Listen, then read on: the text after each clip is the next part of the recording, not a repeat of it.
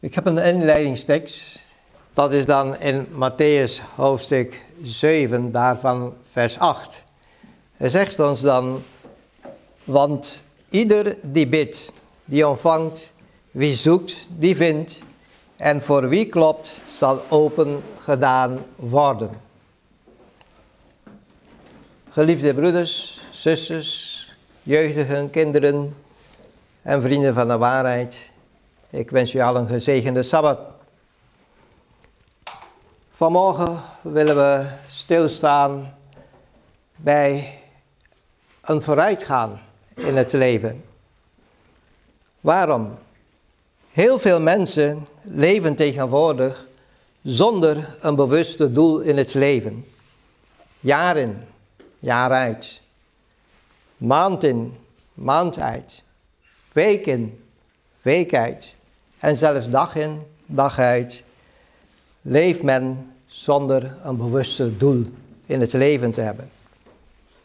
Mijn lieve mensen, juist hier gaan belangrijke momenten ons voorbij. En helaas kunnen wij dit nooit meer terugdraaien. Om de kennis die wij vandaag hebben vergaderd in praktijk te brengen. Niet gisteren, niet morgen, maar nu. De meeste mensen verlangen om een gelukkig leven te hebben. Dat was de principiële optie van God. Maar we weten dat als wij de tijd laten verstrijken, elk moment, zoals men een status hebben bepaald bij de nummermelding van 112, ieder seconde telt. Zijn wij daarvan bewust? In een fractie van een oog kan ons leven, kunnen gebeurtenissen zich plaatsvinden en dan kunnen wij niet meer terugdraaien. Ook een spreekwoord zegt, gedane zaken doen geen keer. Er is geen geschiedenis die wij nog een kans daarin krijgen. En toch luidt mijn vraag aan u vanmorgen. Wanneer het minder voorspoedig gaat, is dit de reden dat u bij de pakken gaat neerzitten en alleen pijnzen over de gedachte, ik heb het helemaal verpest.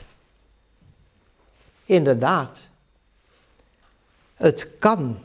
En dit is trouwens menigeen van ons reeds overkomen. Dat wij ernaar verlangen, zou ik misschien nog een nieuwe kans kunnen krijgen. Dan zal ik het anders doen zal ik het anders zeggen. Mijn geliefden, geloof mij. U hebt nu een moment gekregen om een juiste beslissing en keuze in uw leven te maken. Op dit moment, het is een unieke aanbieding van God dat Hij ons een kans geeft. En dit zijn de woorden beschreven in Hebreeën hoofdstuk 3, daarvan vers 7 en 8. In Hebreeën hoofdstuk 3, vers 7 en 8 lezen wij dan, Daarom, zoals de Heilige Geest zegt, heden, indien u zijn stem hoort, verhard uw harten niet, zoals het bij de verbittering op de dag van de verzoeking van uw vaderen in de woestijn ging.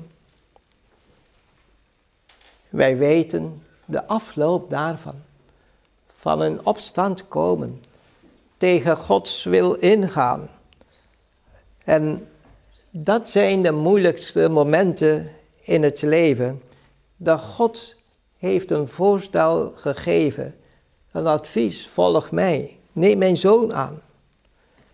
Daarom ook de titel van dit onderwerp luidt, het is machtig het is trouwens ook een waarschuwing. De titel zegt ons, kijk alstublieft niet om.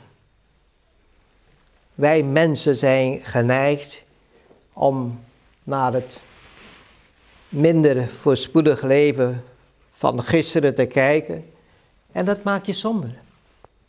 Terwijl het hoeft niet. Omdat God biedt ons een mogelijkheid om alsnog gelukkig te worden. Wat in het verleden had plaatsgevonden, is letterlijk geschiedenis. Daar is geen ommekeer meer. Maar dit betekent niet dat u alle hoop moet opgeven. Waarom? Juist tot opscherping, juist tot bemoediging, juist om de mens hoop te geven, heeft Jezus deze woorden geuit in Johannes 3, vers 16. Hier werd een offer gebracht met de mogelijkheid om het verleden weer recht te kunnen maken. En hier is juist een moment waar wij opnieuw kunnen kiezen. Zolang wij in gezondheid zijn, zolang wij ons verstand nog werkende is, zolang wij in die mogelijkheid is, laten wij een bewuste keuze maken. Want, zoals Johannes 3, vers 16 zegt hier, God heeft de hele wereld lief. En wij maken deel van deze wereld. Daartoe heeft hij zijn zoon gegeven, opdat een ieder die hem wil aannemen, dat ze alsnog gered kunnen worden. God is veel te wijs, mijn lieve mensen, om zijn beloften niet na te komen. Uw toekomst is zeker gegarandeerd vanaf het gegeven moederbelofte in Genesis 3, vers 15. Hier heeft God de oorlog aan Satan verklaard. Hij heeft een slang gebruikt om Eva ten val te brengen. Maar God liet het niet daarbij. Mijn geliefden, de Heer zegt hier, ik zal wat vijandschap zetten tussen u en tussen deze vrouw. Tussen uw zaad en haar zaad. Met andere woorden zegt de Heere hier, ik neem het voor u op. Kijk alsjeblieft niet om. Maar grijp deze belofte door God u gegeven en leef. Dit leven valt absoluut niet mee. Soms zijn er heftige dagen. De een ervaart het meer als een strijd. En de ander ondervindt weer gezondheidsproblemen.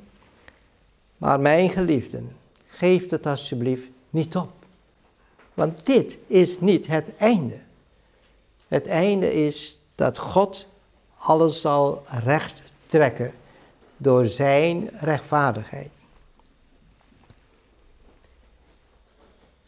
Wanneer wij ons verzwakt voelen, wij strijden.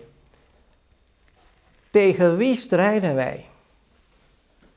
We strijden tegen een vijand die reeds overwonnen is, mijn geliefden.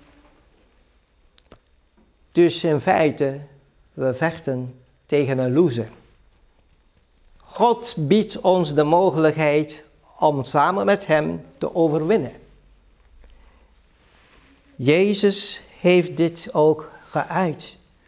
Toen Hij onze zonden op zich heeft genomen en aan het kruis dat Hij daar heeft geuit, het is volbracht. Er is weer hoop voor de mens. Weliswaar, Hij was gestorven. Daar aan het kruis. Niet door zijn verwondingen, mijn geliefde mensen. Hij is gestorven door de last van onze zonden. Onze zonden heeft hij daar gedragen. En omdat hij in de volle gehoorzaamheid aan zijn vader was. En de liefde waarmee hij gepaard ging om door te gaan in die verbittering, in die bittere strijd, omdat wij hebben gezondigd, mijn lieve mensen. heeft hij ons opnieuw een kans gegeven. Door zijn overwinning, want waarom kunnen we zeker weten dat hij heeft overwonnen? Omdat hij de derde dag is weer opgestaan. Dat is de hoop van de christen, van de gelovige mens, van wie dan ook die hem aangrijpt. Wij hebben niks anders. Het is een mogelijkheid, er is een ruil gedaan. Hij heeft onze zonden op zich genomen, zodat wij bevrijd kunnen worden. En hoe machtig is Hij vandaag in uw leven? Dit kunnen wij terugvinden in Openbaring hoofdstuk 1, daarvan in de versen 17 en 18, waar Hij zich openbaarde aan zijn geliefde discipel Johannes.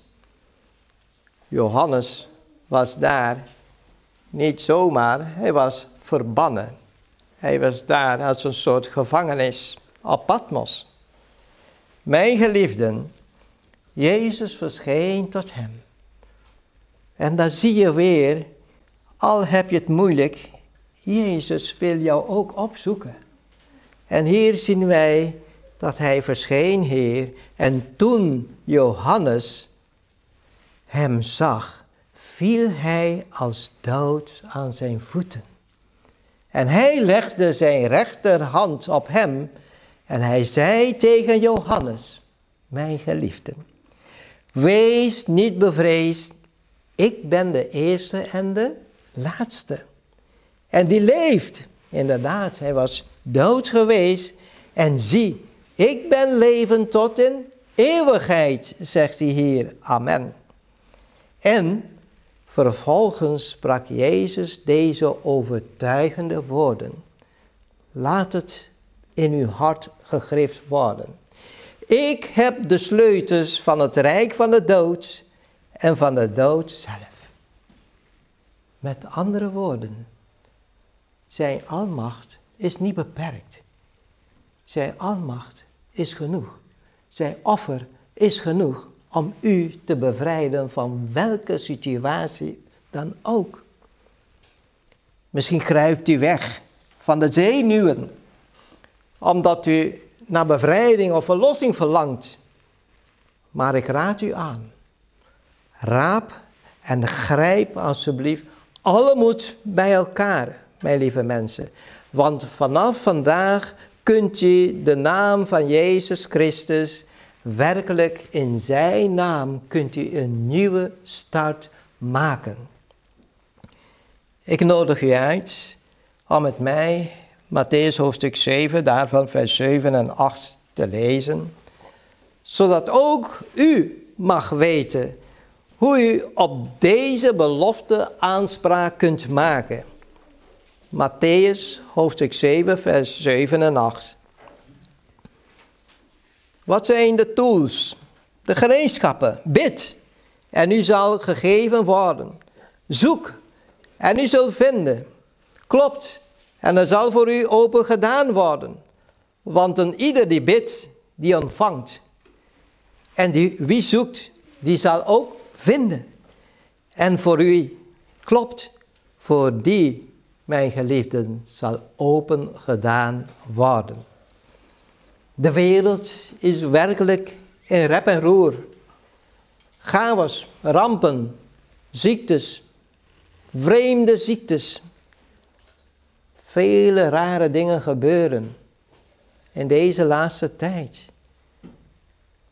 Maar belangrijk is dat wij dit niet moeten vergissen.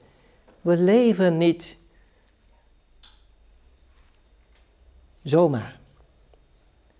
De tijd is kort. Kort voordat Jezus terugkomt. Vandaar dat de vijand zijn macht nu gebruikt om ons te ontmoedigen.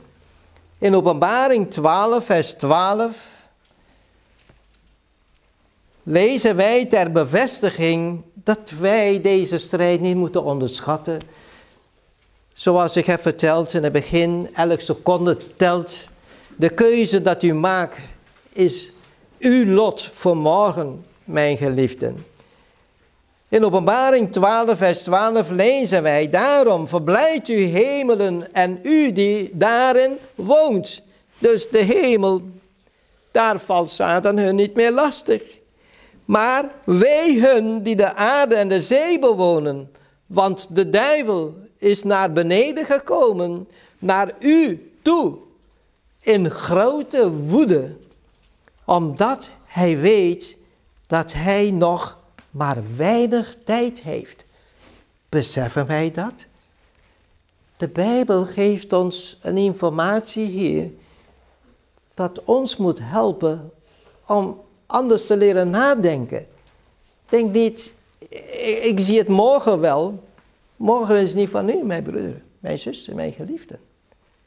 Nu kunt u de juiste keuze maken. In dit leven zullen de ene verrassing de ander blijven volgen. Voor ons als gelovigen, mijn geliefden, die uitzien naar de spoedige uitstorting van de spaderregen en de daaropvolgende wederkomst van Christus, moet dit alles voor ons niet meer een verbazing zijn dat het zo vreemd gaat in deze wereld. Zelfs de schrift maakt dat duidelijk.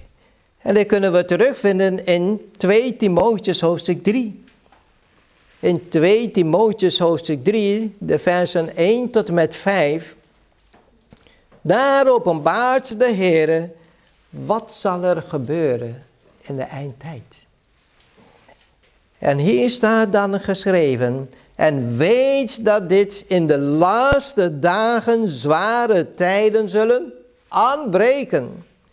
Want de mensen zullen liefhebber zijn van zichzelf, geldzuchtig, grootsprekers, hoogmoedig, lasteraars, hun ouders ongehoorzaam, ondankbaar, onheilig, zonder natuurlijke liefde, onverzoenlijk, kwaadsprekers, onmatig, vreed, zonder liefde voor het goede, verraders, roekeloos, verwaand, meer liefhebbers van zingenot dan liefhebbers van God.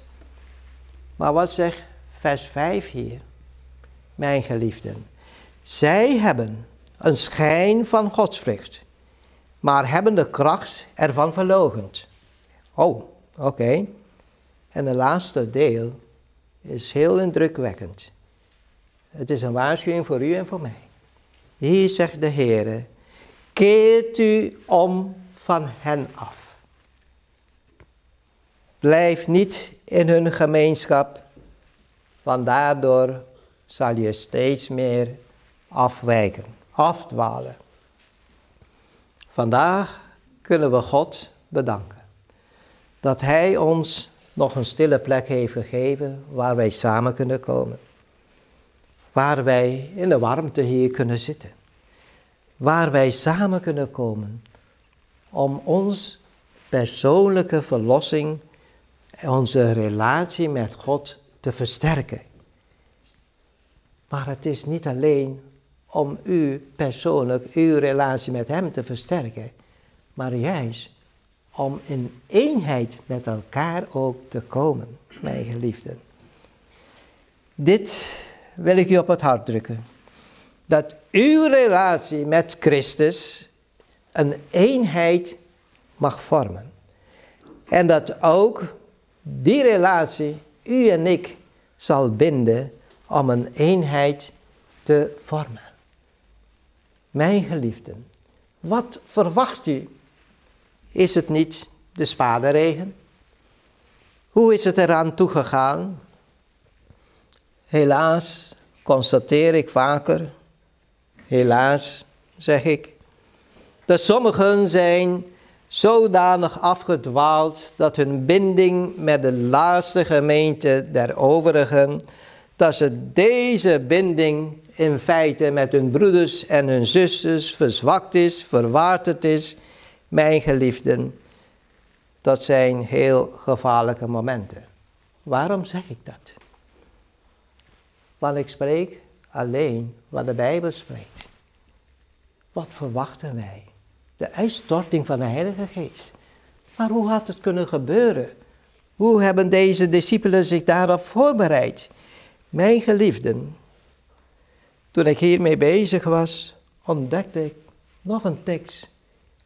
En dit wil ik onder de aandacht hier brengen. In Handelingen hoofdstuk 1, daarvan vers 6. En we lezen daarna vers 13 en 14. Hier wordt gewezen, mijn geliefden, op de relatie die u met Christus en de relatie die u en ik met elkaar moeten hebben. Namelijk één te zijn met onze Verlosser en één met elkaar te zijn. Ik ga naar vers 6 van Handelingen 1. En hier staat geschreven, zij dan die samen gekomen waren, let op, die samen zijn gekomen, vroegen aan de Heere, zult u in deze tijd voor Israël het koninkrijk weer herstellen? Mijn geliefden, die samen waren gekomen. Let op. Juist deze die hier aanwezig was, die ook uh, de hemelvaart van hun geliefde Jezus hebben mogen zien en waarop de Heilige Geest hun nog een troost naliet. Hun moesten zich voorbereiden om die trooster in zijn volheid te ontvangen. Zij hadden begrepen wat ze moesten doen. Maar begrijpen wij vandaag wat wij moeten doen om ook de spade regen te ontvangen? Mijn geliefden. Vers 13 en 14 geeft dat aan. En hij zegt hier, en toen zij in Jeruzalem gekomen waren, gingen zij naar de bovenzaal en bleven daar. Namelijk Petrus en Jacobus, en Johannes en Andreas, Philippus en Thomas, Bartholomeus en Matthäus, Jacobus de zoon van Alfeus en Simon Zelotes. En met wie? Judas. Maar deze was de broer van Jacobus. Let goed op hier, mijn lieve mensen. Zo nauwkeurig geeft de Bijbel de tips aan. Deze bleven allen eensgezind volharden in wat? In het bidden en smeken. Mijn geliefden, daar was ook de vrouwen die meestal achter Jezus waren, Maria de moeder van Jezus met zijn broers. Hier zien wij, ze gingen niet zo klakkeloos. Ach, ik ga verder met mijn leven, dan zie ik wel wat er uh, verder komt. Nee, ze hebben de boodschap van Jezus begrepen. En ze hebben zich bijeengekomen, samengekomen om te bidden en smeken dat God hun zou voorbereiden voor de uitstorting van de Heilige Geest. En was het ook vervuld? Jawel. In grote mate. Dit schrift, vermelding, zou in feite ons vandaag, ja, zou ons in deze tegenwoordige tijd nog ernstiger tot nadenken moeten brengen. Want het verzaken hiervan sluit ons letterlijk uit Gods koninkrijk af. Mijn geliefden, Christus komt zijn gemeente, jawel, komt zijn bruid spoedig ophalen. En niet een enkeling hier of een groep hier of daar, zoals men denkt, ach, wij doen ook. Maar Jezus komt, zoals de Bijbel ons aanwijzingen geeft, zijn bruid ophalen. In openbaring 21, vers 1 en 2, daar wordt duidelijk aangegeven het nieuwe Jeruzalem. God komt weer terug. Mijn geliefden, Christus haalt degenen die zich daarop hebben voorbereid, die haalt hij op. Dat ze de zevende plaag niet hoeven mee te maken, want alles wordt vernietigd. Letterlijk alles. Alle leven zal er niet meer zijn. En na duizend jaar komt hij terug. En met wie keert hij terug? Met zijn bruid. Met zijn laatste gemeente. Hij keert terug naar deze aarde en daar zal hij zijn troon vestigen hier op aarde. Mijn geliefden, volgens de versen 3 en 4 van Openbaring, hoofdstuk 21, kunnen wij onszelf overtuigen dat God komt hier op deze aarde, waar Hij bij zijn volk kan zijn en zijn volk kan ook bij Hem zijn. Alle tranen worden uitgewist. De dood zal er niet meer zijn. Ziekte zullen er niet meer zijn. En tegen vermoeidheid, geschreeuw dat alles wat zonde is, of door de zonde veroorzaakt, dat zal vernietigd worden. Mijn geliefden, bereid u zelf op dit plechtige moment en begin vanaf nu niet meer om om te kijken. Maar focus alsjeblieft alleen en al op Jezus Christus. Neem Hem aan, niet alleen als uw persoonlijk verlosser. Want dat hebben we vaker gehoord. Ja, je moet Jezus aannemen als je persoonlijk verlosser. Mijn geliefde, er is nog een sleutel bij. En dat is, neem Hem ook aan als uw Heer. Hij die uw leven verder nu gaat leiden, geeft het volledig over aan Hem. En dan zijn wij voorbereid, zoals Johannes hoofdstuk 14, vers 18 zegt: Ik zal u niet als wezen achterlaten. Ik kom weer tot u terug. Kijk alsjeblieft niet om, mijn geliefden. En ervaar vanaf vandaag Gods machtige hand in uw geloofsleven. Ik wens u van ganse harte Gods rijke en onmisbare zegen toe. Dat Hij in de naam van Jezus Christus uit Nazareth u verder genadig zal zijn. Wanneer u bereid bent om uzelf geheel en al aan Hem over te geven. En dan staan wij aan dat deel dat zullen uitroepen, deze is onze God, wij hebben Hem verwacht. Mogen de Heer ons voorbereiden door de kracht en liefde van Zijn Heilige Geest om dat hoge doel te bereiken. Amen. Amen.